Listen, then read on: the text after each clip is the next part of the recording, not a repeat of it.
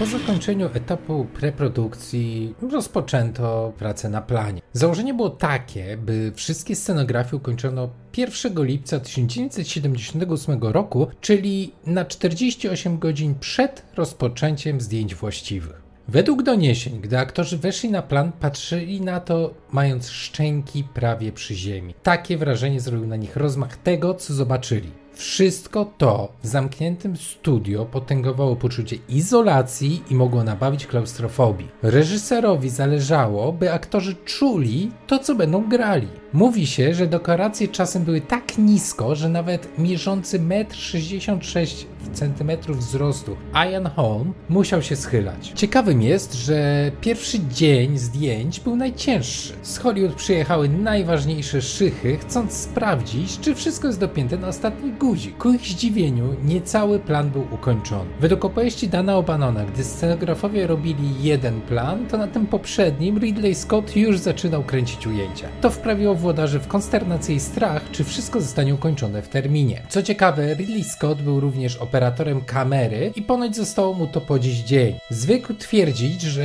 gdy widzi kadr, jest mu łatwiej wymyślić różne rzeczy, które mogą go poprawić. Osobą odpowiedzialną za ostrość obrazu był Adrian Beadle. Dla niewtajemniczonych jest to kolejna legenda. Osoba, która była tak zwanym reżyserem zdjęć, między innymi do Obcy decydujący starcie, Willow, Ukryty wymiar, czy mumia. W tym samym czasie H.R. Geiger skończył głowę dorosłej fazy obcego. Została ona spakowana i wysłana do Carlo Rambaldiego, legendy efektów specjalnych i laureata trzech Oscarów za King Kong, E.T. oraz właśnie Obcego. Według wspomnień Obanona oraz Geigera do jej wyprodukowania wykorzystano prawdziwą ludzką czaszkę. Efekt był ponoć tak niesamowity, że Ridley Scott kazał wysłać ją bezpośrednio do włoskiego speca od efektów specjalnych, aby nikt z obsady jej nie zobaczył. Docelowo miało to potęgować ich efekt przerażenia na planie. Kolejną ciekawostką z procesu kręcenia było to, że Ridley Scott bardzo mocno wykorzystywał na planie podkurzacze dymu. Były one czymś w rodzaju filtra barw. Mowa oczywiście o dymie. Miał on rozpraszać światło i zwiększać głębię obrazu, dodając trzeci wymiar. Problem był jednak taki, że w tak niskich pomieszczeniach ilość dymu była za duża. Była bardzo męcząca i wręcz dusząca. Najmocniej odczuł to aktor John Finch. W trakcie drugiego dnia pożółkł na twarzy i wyglądał jakby miał zaraz zemdlę. Nie pomagało to, że był on hardkorowym palaczem i dodatkowo zapijał się kolą. Skończyło się to przerwaniem zdjęć i aktor trafił do szpitala. Według doniesień nie był to jego pierwszy raz. Jak się później okazało, cierpiał on na zapalenie płuc i skończyło się to jego rezygnacją z roli. Tak, na jego miejsce do roli Kane'a zatrudniony został wspaniały brytyjski aktor John Hurt, którego reżyser od samego początku, jak został zaangażowany, rozpatrywał do tej roli. Panowie momentalnie się dogadali. Cała sytuacja mocno przeraziła producentów, którzy zaczęli wyrażać opinię, że może warto jednak zawiesić produkcję lub skasować projekt, w szczególności gdy przewidywania były takie, że budżet zostanie przekroczony. Finalnie jednak Fox zgodził się zaufać Scottowi i kontynuować projekt. W trakcie procesu zdjęciowego dochodziło do wielu spięć. Ridley Scott dopuszczał do tzw. Tak dniówek, czyli nagrań z danego dnia, bardzo wąskie grono, do którego nie zaliczał się chociażby Dan O'Bannon, co wywołało frustrację scenarzysty. Według doniesień O'Bannon był pomijany przy wielu kluczowych decyzjach, co dawał odczuć dookoła. Dochodziło do wielu starć między nim a Geigerem. Co chwilę wymyślał różne zmiany w projektach Szwajcara, który zaczynał tracić cierpliwość. Finalnie Ridley Scott załagodził spory, ucinając pomysły O'Bannona. Sam reżyser nie był jednak świętym na planie. Chcąc uzyskać charakter postaci Ripley, poddawał aktorkę Sigourney Weaver bardzo ciężkiej szkole życia, mocno alienując ją na planie, chcąc wykrzesać z niej tę twardość postaci. Oczywiście nic jej o tym nie mówił. Jaki był tego efekt, wszyscy widzieliśmy na ekranie. Ciekawą historią z planu jest to, że w tym samym studiu, w tym samym czasie słynny angielski zespół The Who pracował nad swoją nową płytą i przygotowaniami do koncertu. Oświetleniowcy z ekipy Obcego zajrzeli do nich do hali i zobaczyli m.in. specjalne oświetlenie przypominające lasery, które ci mieli wykorzystać na najbliższym koncercie dla zaskoczenia fanów. Szybko pokazano to Scottowi, który był zachwycony zachwycony możliwościami, jakie to daje. Twórcy dogadali się i wypożyczyli sprzęt od zespołu na kilka dni. Były one wykorzystane w scenie w komnacie z jajami. Czasie nagrań ogromnym wyzwaniem były sceny, gdzie bohaterowie eksplorowali planety w skafandrach. Z ich opowieści wynika, że te były bardzo niewygodne i było w nich bardzo gorąco. Dochodziło do tego, że było to kręcone w trakcie upalnego lata i dodatkowo podgrzewały wszystko lampy oświetleniowe. W trakcie przerw między scenami ekipa pompowała do wnętrz skafandrów zimne powietrze. Niebezpieczną częścią tych ujęć było to, żeby zrobić wyziewy z hełmów imitujące parę wodną, używano rurek z mechanizmem zegarowym wypuszczającym ciekły azot. Pech chciał, że zdarzały się w nich nieszczelności i przykładowo Tom Skerritt prawie stracił przytomność. W scenach, gdy chciano pokazać skalę, że zbudowany statek Nostromo jest ogromny, widzimy tak naprawdę dzieci Ridleya Scotta przebrane w skafandry tak, by zrobić złudzenie optyczne. Co ciekawe, nawet to,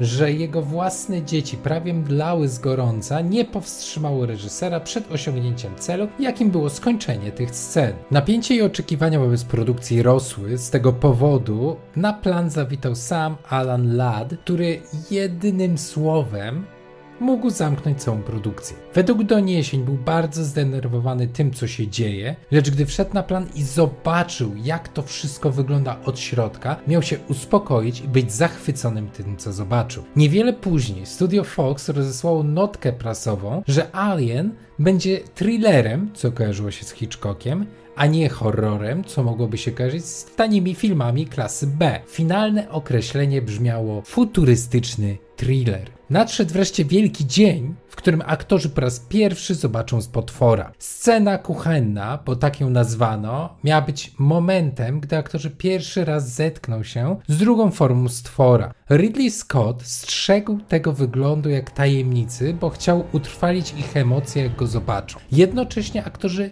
wiedzieli, że zobaczą narodziny stwora, jednak nie wiedzieli, jak to się stanie i jak to będzie wyglądać. Nawet sam John Hurt też nie był do końca wtajemniczony. Finalnie rozpoczęto nagrywanie sceny. W momencie, gdy Kane pada na stół, wijąc się w konwulsjach, padło magiczne hasło cięcie. Aktorzy zostali wyproszeni z planu. Wszyscy poza Johnem Hurtem. Tu rozpoczął się proces ukrywania aktora pod stołem i przygotowywania jego sztucznej klatki piersiowej z załadowanym w środku stworem i wnętrznościami. Po dłuższym czasie aktorzy zostali z powrotem zaproszeni na plan. Zobaczyli instalację podpiętą do Johna Herta, ale nadal nie wiedzieli, co się wydarzy. Co ciekawe, wszystkie reakcje aktorów, ich przerażenie, krzyk czy to, że postać Weroniki Cartwright straciła równowagę i w sumie skradła tę scenę, była efektem tego, że aktorzy tak bardzo się przestraszyli. Kiedy widzimy tę scenę w filmie wnętrzności Keina, trakcie samej sekwencji są to prawdziwe wnętrzności zwierząt zebrane z pobliskich rzeźni i wykorzystane po ówcześniejszym rzecz jasno odkażeniu. Wszystko, co zobaczyliśmy w kinie, było tak samo przerażające jak na planie. W ten sposób powstała ta jedna scena, której mówił Walter Hill. To wydarzenie mocno zmieniło podejście aktorów do filmu. Pierwsze spotkanie z potworem oraz scena narodzin Chestbustera zmieniła bardzo mocno atmosferę na planie. Aktorzy coraz bardziej zaczynali wczuwać się w rolę, czując to, co czuli ich bohaterowie. Mimo oczyszczenia planu zdjęciowego, smród krwi i wnętrzności zwierząt utrzymywał się jeszcze bardzo długo, budując dodatkową atmosferę aktorom, ciągle przypominając o tym, co zobaczyli. Podobno był to moment, w którym obsada naprawdę zrozumiała, o czym jest ten film. Legenda głosi, że Jafet Koto za cel życia obrał sobie, że musi zabić tego potwora, co wywołało niesamowitą przemianę w jego sposobie grania. W międzyczasie Dan O'Bannon został odesłany do USA. Był przemęczony i jego zachowania czy nastroje mocno odbijały się na in. Podobna frustracja zaczęła przemawiać przez Geigera, który bardzo brał do siebie uwagi. Sam przyznał po czasie, że dużo z tego wynikało z bariery językowej, gdyż często nie rozumiał, co się do niego mówi. Atmosfera też coraz mocniej udzielała się aktorom, w tym Sigourney Weaver, którą dziwiło kręcenie nie po kolei, zupełnie inaczej niż w teatrze, w którym dotychczas występowała. Dodatkowo podjudzany przez Scotta Jafet Koto cały czas drażnił aktorkę na planie, mocno improwizując. Chcieli w ten sposób wspólnie złamać ją, by wreszcie pokazała autorytet swojej postaci, co nastąpiło. Po którejś z kolejnych utarczek postać Ripley miała krzyknąć do Parkera, żeby się zamknął i zaczęła wydawać polecenia. To był moment, kiedy narodziła się jedna z najtwardszych postaci damskich w historii kina, której nikt nie chciałby podpaść. W międzyczasie obejrzano tak zwane dniówki ze sceną narodzin obcego. Wszyscy byli zachwyceni z włodarzami 20th Century Fox na czele. Wszyscy najważniejsi stwierdzili, że to najbardziej realistyczne przedstawienie potwora, jakie w życiu widzieli. Kolejną nakręconą sceną była dekapitacja Asha atakującego Ripley. Scena, w której robot dostaje usterki wydziela mleczny płyn, znowu nie została umieszczona w scenariuszu, więc było to kolejne zaskoczenie dla aktorki grającej Ripley. Co ciekawe, dodatkowo nakręcono moment, w którym postać grana przez Ayana Holma próbuje umieścić w ustach bohaterki magazyn pornograficzny,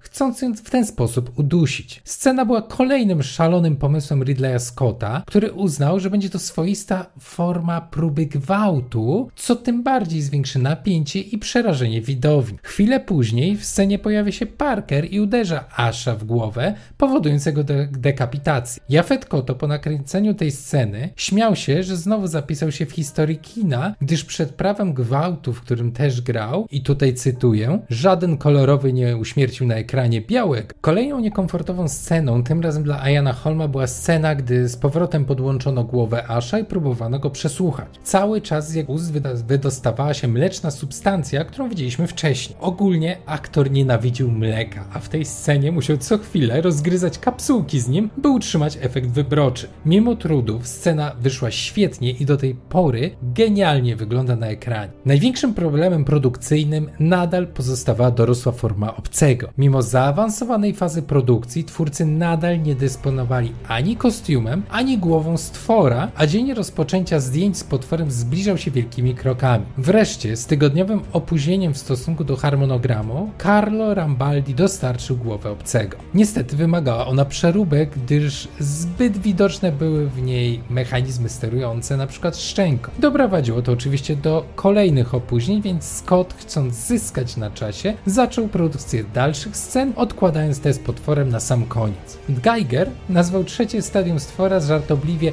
obcym na deser. Cały czas kręcono na przykład sceny, w których giną kolejni bohaterowie, jednak bez, bez ich samej śmierci, gdyż obcy ciągle nie miał głowy. Wreszcie stwór został skończony. Ubrano w kostium aktora i w bardzo wąskim gronie nakręcono trochę ujęć próbnych, testując rozmaite sposoby uchwycenia potwora przed kamerą, by uniknąć wrażenia, że to człowiek w kostiumie. Wszystko było w bardzo wąskim gronie, gdyż Scott chciał na kamerze uchwycić pierwsze reakcje aktorów, jak zobaczą monstrum, z którym przyjdzie się zmierzyć ich bohaterom. Pierwsze ujęcia były trudne i sprawiały masę problemów, jednak po kilku dniach cała ekipa nauczyła się odpowiedniej synchronizacji do sterowania odpowiednimi elementami potwora, tak by osiągnąć efekt, który widzieliśmy na ekranach kin czy telewizoru. Podobno sam Geiger, gdy zobaczył materiał dniowy, miał stwierdzić, że to była naprawdę mocna rzecz oraz, że to najlepszy potwór w historii. Co ciekawe, kręcąc tę scenę, w której ginie Lambert, ta sama, która wywróciła się przy scenie Chestbustera, to aktorka, tak samo jak jej postać, była tak przerażona. Wszyscy na planie byli pod niesamowitym wrażeniem.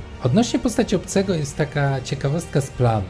Chcąc ukryć pewne mechanizmy, wymyślono, że z jego pyska będzie wydostawał się gęsty śluz. Był on wykonany m.in. z lubrykantu jednej z angielskich firm produkujących akcesoria erotyczne. Ilości, jakie zużywano na ten cel, były tak ogromne, że w całkiem solidnym promieniu był on wręcz nie do zdobycia, gdyż jego zapasy wykupiła ekipa filmowa. Po drodze do końcowych części zdjęć pojawiła się ponownie coraz większa presja ze strony 20th Century Fox, które bardzo naciskało na harmonogram i nieprzekraczanie po raz kolejny budżetu. Zaczęto ciąć scen. W ten sposób nigdy nie, nie nakręcono sceny mechanicznego wręcz seksu między Ripley a Dallas. Jeśli ktoś mnie spyta, moim zdaniem to bardzo dobrze, bo to, by się nie trzymało kupy. Bo jak trzeba być zjej, tutaj dokończcie sobie słowo, by myśleć o tym, gdy w każdej chwili może was zaatakować kosmiczny potwór. Scott ubolewał, bo uważał, że to byłaby świetna scena. Jednak każdy, kto widział Alien Covenant, wie,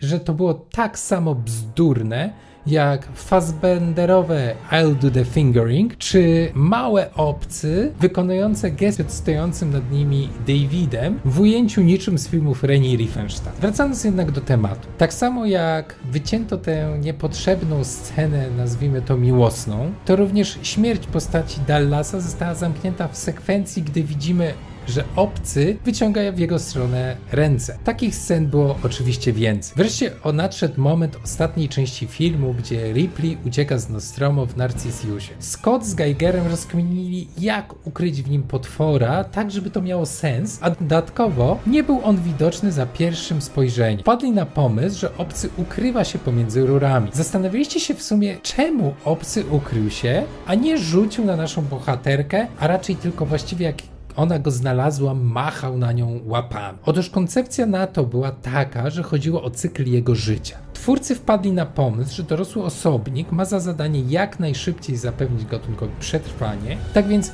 Potwór w tym stadium był już u kresu swojego żywota. Między rurami szukał sposobu na utrzymanie ciepła i hibernację, starając się przetrwać jak najdłużej. Był jednak już dużo, dużo słabszy. Scott i Geiger śmiali się, że grający potwora Bolai Badejo nie będzie szczęśliwy. Finalnie po 15 dublach udało się wszystko nakręcić, i to był ostatni dzień aktora na planie. Następnego dnia Ridley Scott zarządził dokręt. Bardzo to się nie spodobało w studiu. Uznano to za jakieś jego chore dążenie do perfekcjonizmu i mocno naciskano, by zamknął plan. Żeby nie przekroczył harmonogramu, wysłano Petera Billa, przedstawiciela studio, na plan, żeby rozpisał harmonogram każdej sceny i pilnował go co do minuty. Finalnie zataił on jednak przed studiem, że pozwolił Scottowi na jeden dodatkowy dzień nagrań. Finalnie reżyser nie nakręcił wszystkiego, co chciał. Udało się bowiem nakręcić 227 scen z zaplanowanych 264. Przełożyło się to w sprawie na 163,5 godziny materiału. Wszyscy rozjechali się do domów, a Scott wraz z Terrym Rawlingsem usiedli do montażu nagranego materiału. Rozpoczął się proces postprodukcji, ale o tym w kolejnym odcinku. To był Chewie i Cinematic Gamer. Do następnego.